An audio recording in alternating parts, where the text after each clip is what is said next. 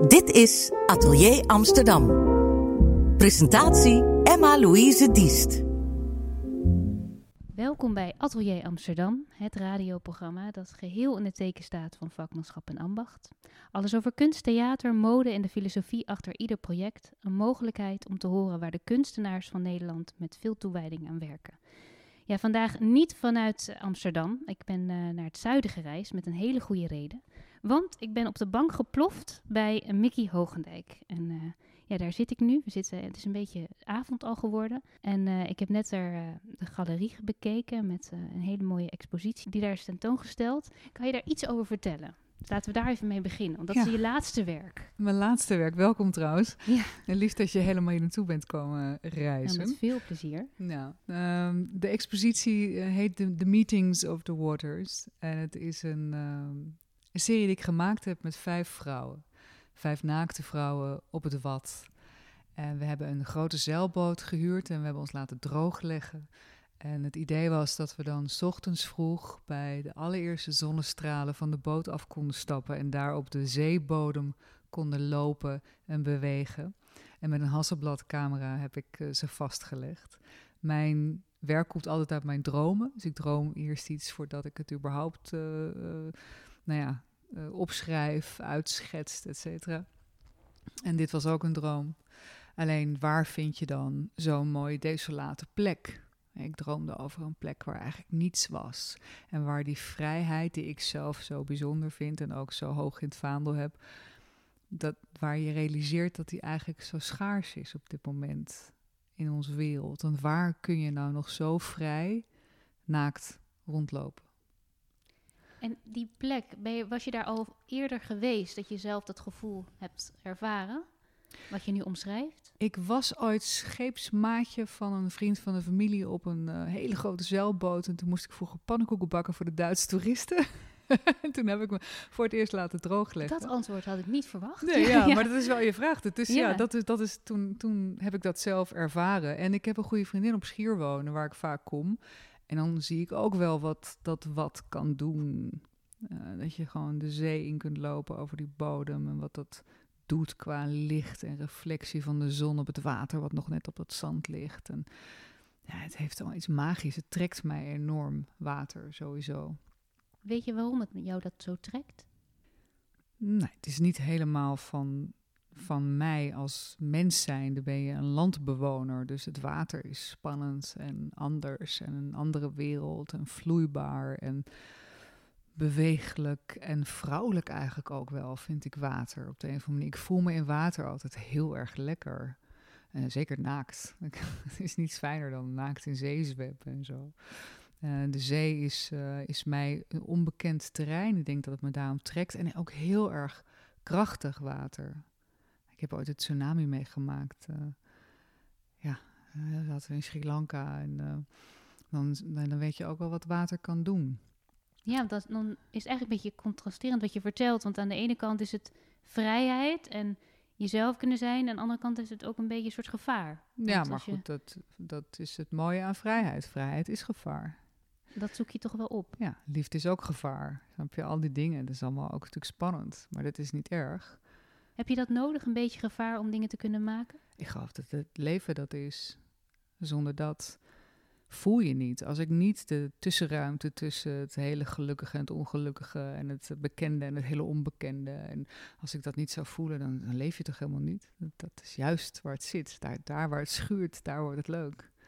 En hoe zoek je dat op? Een dorp gewoon te leven. En ik zoek ja, ik niks denk op. dat heel veel sorry, mensen dat, dat helemaal niet weten hoe dat is.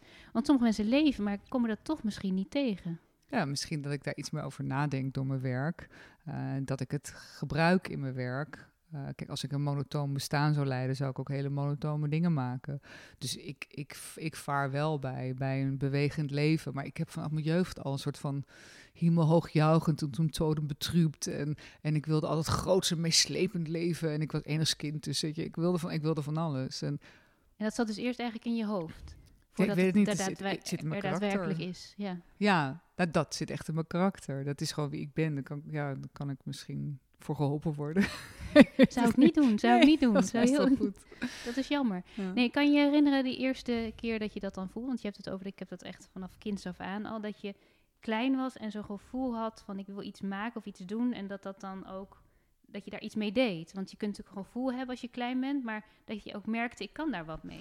Nou, ik ben opgevoed met allemaal mensen om me heen die eh, als kunstenaar, eh, televisiemaker, danser, schilder, weet je, iedereen deed iets met zichzelf. Dus toen op school gevraagd werd wat wil je later worden, zei iedereen dokter of verpleegster. En ik zei, nee, ik ga iets met mezelf doen. Eh, Wat ik heel raar viel in de zevende klas, lagere school of zesde klas, weet ik veel waar ik zat. Die hadden echt zoiets van die rare, die rare Hogendijk. Maar eigenlijk was dat gewoon hoe ik, hoe ik dacht ook dat het moest, het leven. Dat waren ook mijn voorbeelden om me heen. Dus ik heb van begin af aan altijd dingen zelf willen maken. Ik zat altijd te knutselen thuis. Ik was altijd bezig met liedjes schrijven of toneelstukjes opvoeren. En ik moest ook wel, want het is best wel eenzaam als, als, als meisje alleen. Ehm, en ik had dat voorbeeld eigenlijk van mijn ouders wel.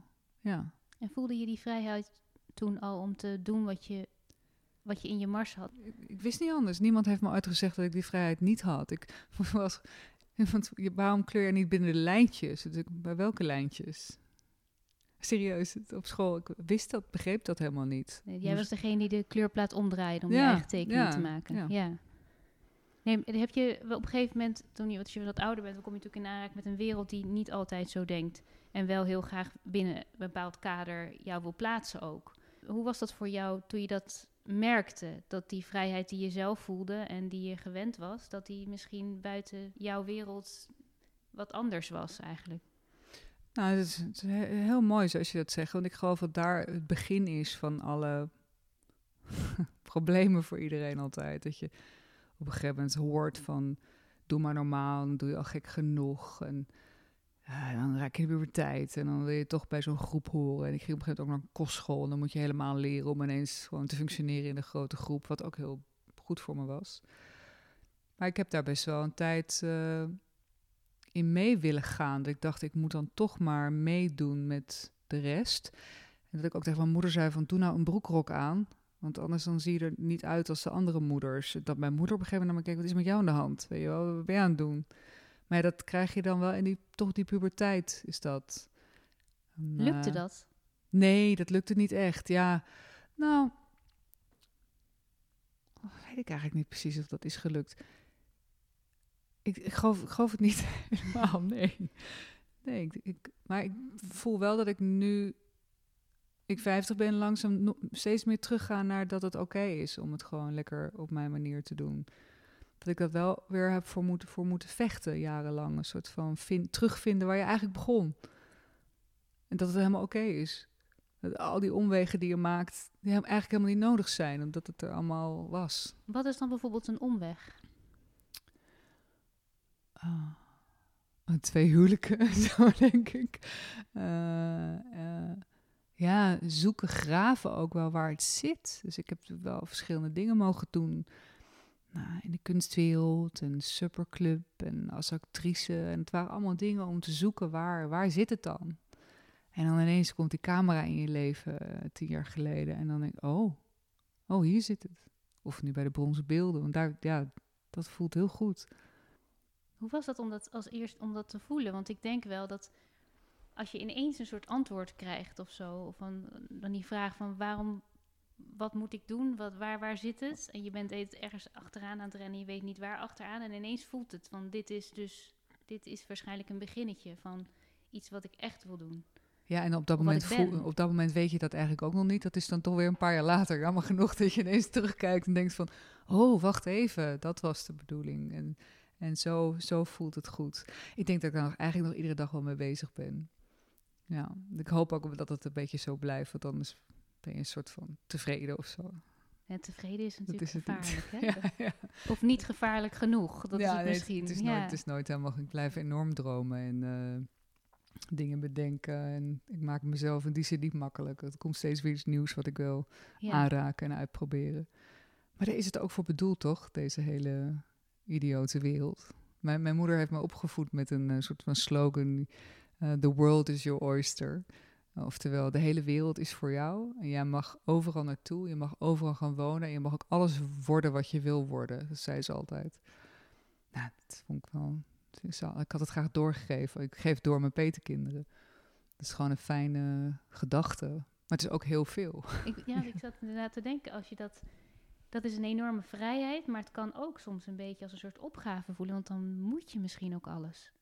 Heeft dat ooit zo gevoeld? Niet, niet negatief, maar dat je het gevoel hebt, ik kan alles worden. Kan is fijn, maar ik moet alles worden is veel, want dan moet je, dan moet je zoveel. Hmm. Nee, ik moet niet alles worden. Dat is in ieder geval nooit vanuit mijn ouders of zo uh, op, nee, opgelegd. Nee, niet misschien de bedoeling, maar zo kan mezelf. het misschien voelen. Hmm. Dat je het idee hebt, ik, ik, misschien, ik wil, ik wil alles, ik moet alles worden. Nee, ik heb dat, nee, ik wil heel graag. En ik, ook niet alles. Maar ik wil heel veel aanraken. Ik vind, gewoon, ik, zou het, ik vind het gewoon zonde van een leven als je niet verschillende dingen ook mag zijn en kan zijn. En in verschillende landen wonen is ook zo'n ding. Dat heb ik nu allemaal gedaan. Ik hoef nu niet nog een keer in tien landen te wonen. was wel even goed. Afgelopen 18 jaar ben ik onderweg geweest. Dus ik heb nu ook echt zoiets van wel een beetje geland weer in het fijne Nederland. Ja, en je wil steeds andere dingen aanraken. Ja. Heb ik het over materialen en zo. Wat ligt dan nu in je gedachtje wat je nog wil vastpakken? Nou, ik ben dus sinds corona begonnen met die 3D, uh, 3D-werk, uh, bronzen sculpturen. Er staan, er staan er wat om ons heen. Even te kijken, ja, daar en daar, ja. ja en uh, maar ik denk ook aan glas. En toch ook nog aan het beeldhouden. Dus echt hakken nog. En, en nog meer in klei. En, maar het 3D-werk vind ik wel een vervolg van alles. Ik had ook echt al een tijdje in mijn fotografie zin en behoefte om er meer mee te doen. En ik wist niet zo goed hoe ik daar doorheen kon breken, dat platte medium. En daar kun je natuurlijk heel veel in vertellen. Er kunnen heel veel lagen in zitten. Dat zie je ook in mijn werk. Het is nooit alleen maar één foto. Vaak is er, zijn er meer lagen toegevoegd om dat verhaal te creëren of beweging te creëren. Maar ik vind het wel spannend wat, wat er nu nog komen gaat. Wat er nog komt. Ja, maar het bruist dus wel, zo'n gevoel. Ja. Ja. ja. Je zegt er zijn meerdere lagen. Wat zie je als je naar je eigen werk kijkt? Ik voel meer. Altijd. Ik heb gewoon een heel sterk gevoel. Met die mensen ook.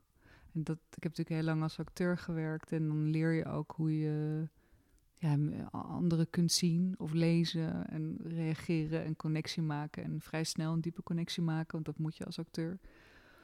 En dat, dat is ook wat ik er zo mooi aan vind. Het zijn die mensen.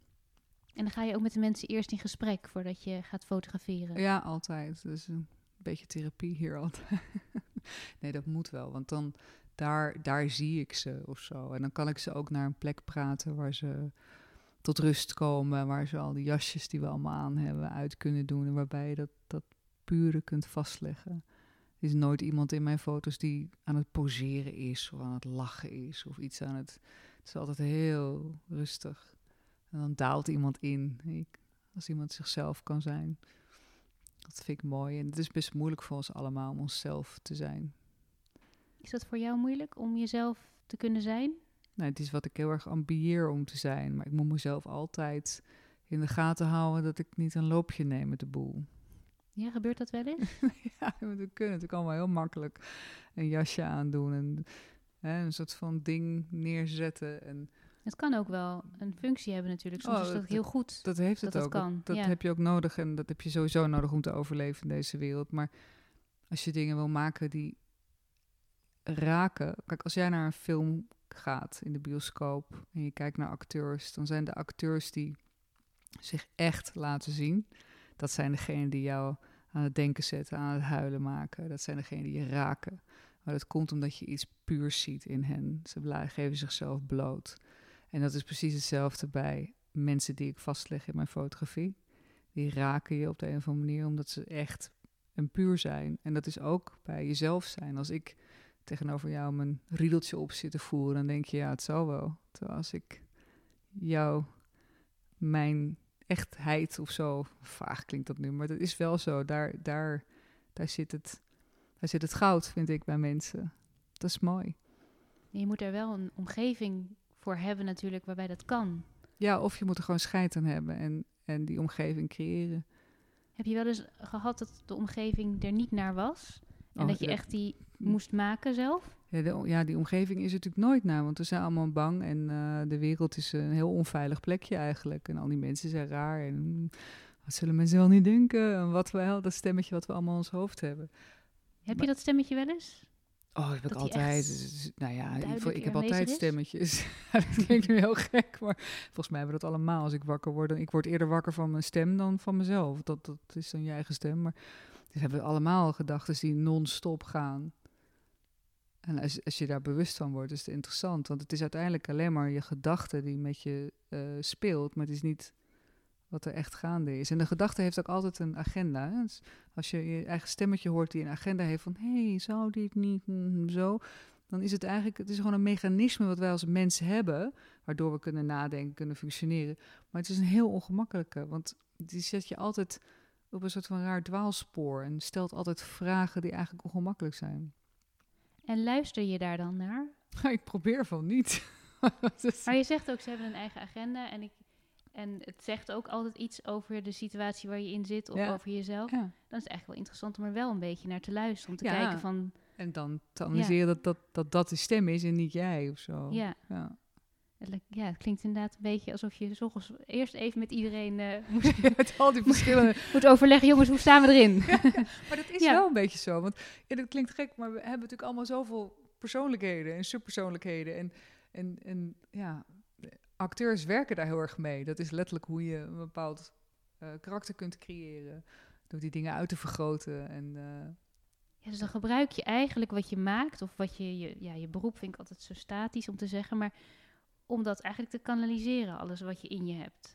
ja, Ja, en dat komt, dan komen we weer terug bij het verhaal van wat wil je laten worden. Ja, ik wil iets met mezelf doen. ja. dat is dat stukje. dan is dat ook een flink werk. Ja, maar dat is, Ja. dat, eh, acteur zijn is ook enorm werk. Ik bedoel, die mensen gaan jarenlang in psychoanalyse. En, en sch- schilders die vechten ook tegen van alles. En eh, zelfs fotografen. Ik bedoel, ik geloof iedereen die iets uit zichzelf doet, een boek moet schrijven. Dat is, dat is een bevalling. Want als je er zelf niet in zit, ja, wat is het dan? Dus het, het is een heel persoonlijk proces vaak. Het uiteindelijke resultaat hoeft niet voor iedereen duidelijk te zijn dat dat een persoonlijk proces was. Maar de weg er naartoe, die is dat wel. En dan, ehm, ik, ik kan me zo voorstellen dat zo'n weg er naartoe heeft allerlei stappen. Je hebt natuurlijk het begin dat je gaat nadenken of dat er iets borrelt. Bewijs van nu al is er iets bezig wat straks pas Ja. tot uitvoering wordt gebracht. Ehm, zijn er momenten in zo'n, eh, in zo'n, ja, in zo'n, in al die stappen dat je even, ehm, dat je soms ontmoedigd kan worden? En heb je daar dan iets wat daar tegen kan helpen? Ja, eh, een hele goede vriendin die ik dan wel eens bel en zeg... eh, nou, volgens mij is het gewoon lelijk. Die vriendin weet al dan hoe laat het is. Ja. ja. ja, en ja...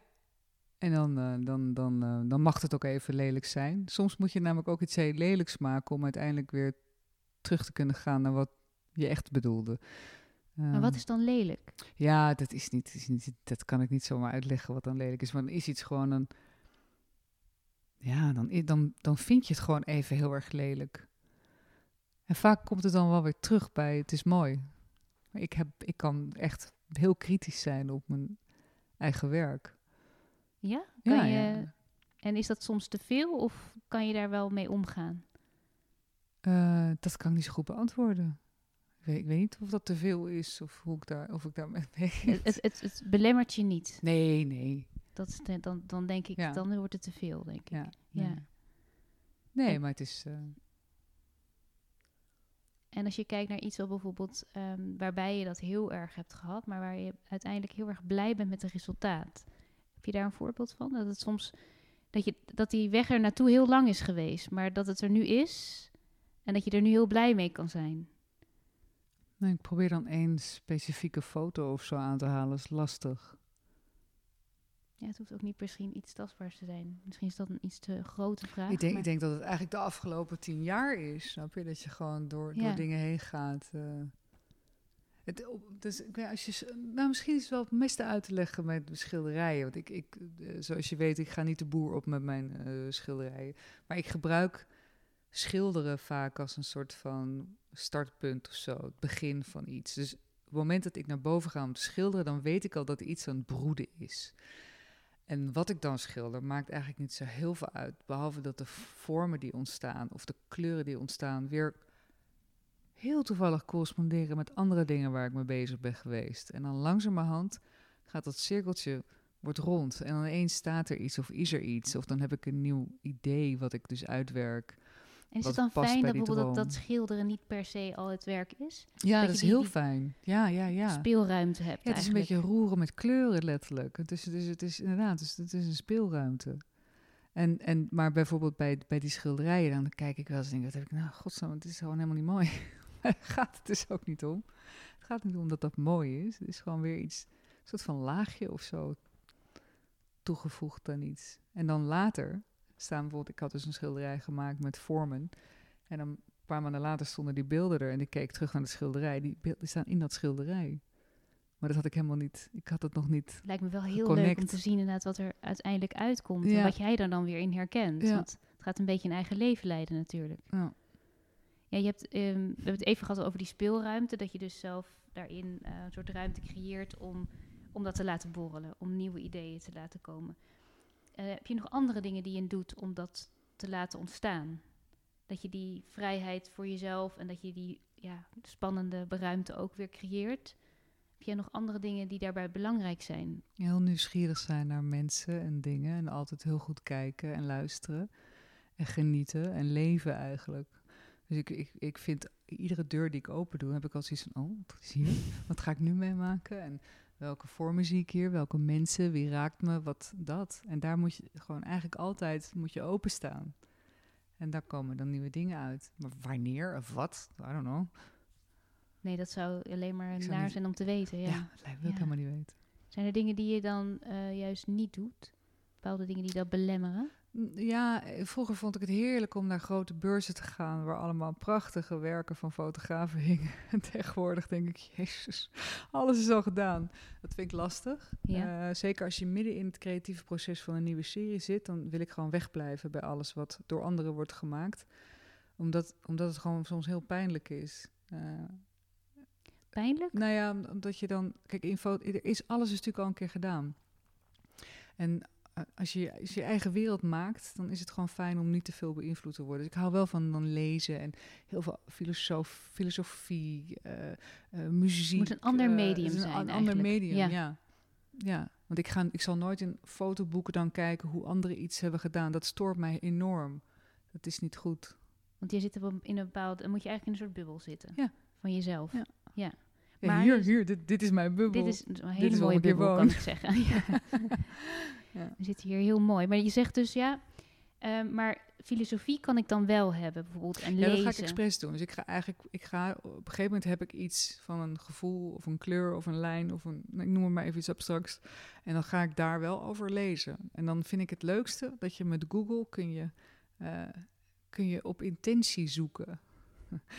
dus eh, ik weet zeker namelijk, als jij naar iets googelt, krijg je volgens mij andere resultaten dan ik. Omdat ik net het anders verwoord, omdat ik het net anders ergens beschrijf. En dan kom ik echt op gouden bergen af en toe. Dan raak ik iets aan of een, een- de titel van een lied of een woord en dan kom, kom ik een Dan gedicht kom je een soort en dan- hyperfocus en dan moet je Ja, alles daarvan en dan weten. vroom, en dan trekt me dat helemaal mee. En dan ben ik zo een paar dagen verder. En daar, daar, daar ontstaat het. Ja, daar vind ik dan ook handvatten. Ehm, en, en daar leer ik ook, want dan, dan kan ik gaan inlezen in iets. En dan, eh, En wat is dan de volgende stap? eh, dan moet ik het weer even loslaten. Dan moet het weer even eh, bakken in de Dan oven. moet je na die paar dagen moet je even Ja, dan ga ik hoofd paard en- rijden. Of ik ga een paar dagjes in Amsterdam rondlopen. Of even een hele stomme serie op Netflix kijken. Soms moet je ook loslaten, ja. En soms zitten mijn foto's zitten soms wel eens een jaar, langer dan een jaar in mijn computer zonder dat ik er iets mee doe. En dan ineens denk ik, hé, nu. En je krijgt geen onrust van, zal het wel komen? Oh, nou dat had ik altijd wel. En op een gegeven moment dacht ik van nee, het, kennelijk komt het wel. Soms in het begin dacht ik, oh dat was een geluks toevalstreffer. En dat kan niet dat ik zomaar al die dingen maak en meteen op een grote beurs hang. En dat, kan allemaal niet, weet je wel. En, en, nu tien jaar later denk ik, nou, langzaam langzaam vertrouw je een beetje erop dat het wel goed komt. Maar creativiteit is een deurtje wat je open moet zetten, waar je wel aan moet werken, vind ik. Je moet wel dingen doen die jezelf dan weer tot, tot het creatieve proces kunnen zetten. Uh, dus als je ochtends wakker wordt, dan schrijf ik dingen op in een boekje die ik, eh, die ik droom, of de beelden die ik zie, of ik ga wat meer dingen bijhouden. Of ik ga eens ergens naartoe waar ik mezelf helemaal in een andere situatie zet, waar ik als een soort van kind kan rondlopen, uh, zo'n kid in een candy store, om gewoon nieuw, nieuwe beelden. Dat is heel belangrijk. Het is wel ook een, er zijn best manieren om het aan te zwengelen. Maar dat moet je wel zelf doen. Ik moet alles zelf doen. is, zoals je ziet hier om mij heen niemand die dat anders doet. Er komt straks een heel, uh, hele trein aan mensen die van alles gaan doen. Nee. My team. Nee, ja. nee, is hier helemaal niemand. Nee, dat is... Animatieteam. Nee. Ja. Nee, dat zo, zo, dat zo... Nee. Nee. En dat is niet, want uh, dat is ook wel een opgave natuurlijk. Dat is natuurlijk wel de opgave van, van de kunstenaar, dat begrijp ik. Maar dat kan soms wel eens voelen als... Ik, je moet zelf die motor aanzetten elke keer van, ja. het, van het werk. Maar die intrinsieke behoefte is dus zo sterk. Dat die is, ja, die is sterker dan mijn luiheid of mijn. Uh, ja, die is, die is er gewoon. Is die er altijd geweest? Of is er, zijn er momenten geweest in je leven dat het um, door omstandigheden er wat minder was? Of in ieder geval ondergesneeuwd werd, bijvoorbeeld? Nou, ik denk eigenlijk dat het heel lang ondergesneeuwd is doordat ik me heb laten afleiden door andere dingen. En, maar dat het tien jaar geleden kon beginnen is ook al goed. Weet je, het is sowieso al trek dat, dat, ik, dat ik dit mag doen en dat ik hier van leef en dat ik de wereld rondreis en dat ik gewoon zelf mag bedenken wat ik morgen ga maken. Het is gewoon, het is heerlijk. Dus ik, ik klaag nergens over. En ik, dat het een tijd lang er niet was, heeft misschien alleen maar geleid tot dat ik het nu zo bewust wel wil doen. Weet je wel, maar who knows.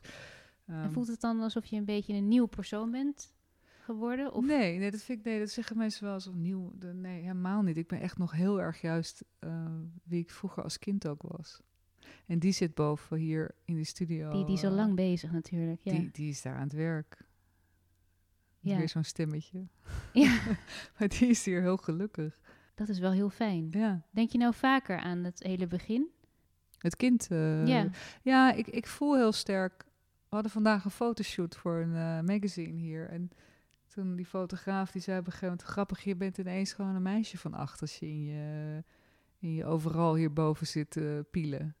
En dat, is, eh, ja, dat klinkt raar voor een vrouw van 50 om te zeggen, maar dat is, dat is een bepaalde vrije energie die je als kind voelde, die ik dus nog steeds voel als ik bij mijn dingen bezig ben. En dat is, ja, dat, dat hoop ik tot mijn negentigste kunnen doen.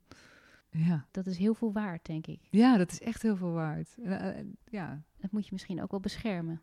Nou ja, dat is precies wat door me heen ging in mijn... Uh, dat ik even niks zei, net één seconde. Dat ik dacht, wacht even, die moet ik ook wel beschermen, ja. Ja, ja. maar dat... Ja. Hoe? Hier? Nou, het begint er wel op te lijken dat je dat in de vingers krijgt om dat te doen. Langzaam. Ja. Hoe kijk je naar de toekomst voor jezelf? Ah, ja, ik wil graag. Ik sta natuurlijk als een renpaard trappelen om weer uh, de boer op te gaan uh, na deze waanzinnige pandemie, waarvan het einde nog niet in zicht is. Uh, tot die tijd zorg ik dat ik het hier gewoon zo goed mogelijk maak voor mezelf. Um, ik zie, er komt een museum-expositie weer aan. ik had vanmiddag iemand in Duitsland aan de telefoon. Uh, ik had, toen ik naar, terugkwam naar Europa twee jaar geleden, had ik gezegd tegen mezelf: uh, we gaan ieder jaar heb ik een expositie in een ander land. Uh, het begon met Londen twee jaar geleden. Voor dit jaar was dan Antwerpen, België. En nu staat Luxemburg of Duitsland op mijn lijstje. Maar misschien heb ik een jaar vertraging door corona. Maar het is eigenlijk het plan om ieder jaar in een van de Europese landen een mooie expositie te hebben. En dat, is, ja, dat ga ik langzaam aflopen, dat pad. Maar je gaat er wel van glunderen. Dat is wel ja, iets, ik vind dat heel erg leuk. Ja. Nou, dank je wel voor dit uh, gesprek. Heel graag en, uh, gedaan. Dan ga ik je gewoon weer aan het werk laten, denk ik. Ik denk dat dat heel belangrijk is voor alle mooie dingen die je nog gaat maken. Dank je. Dank je wel. Okay.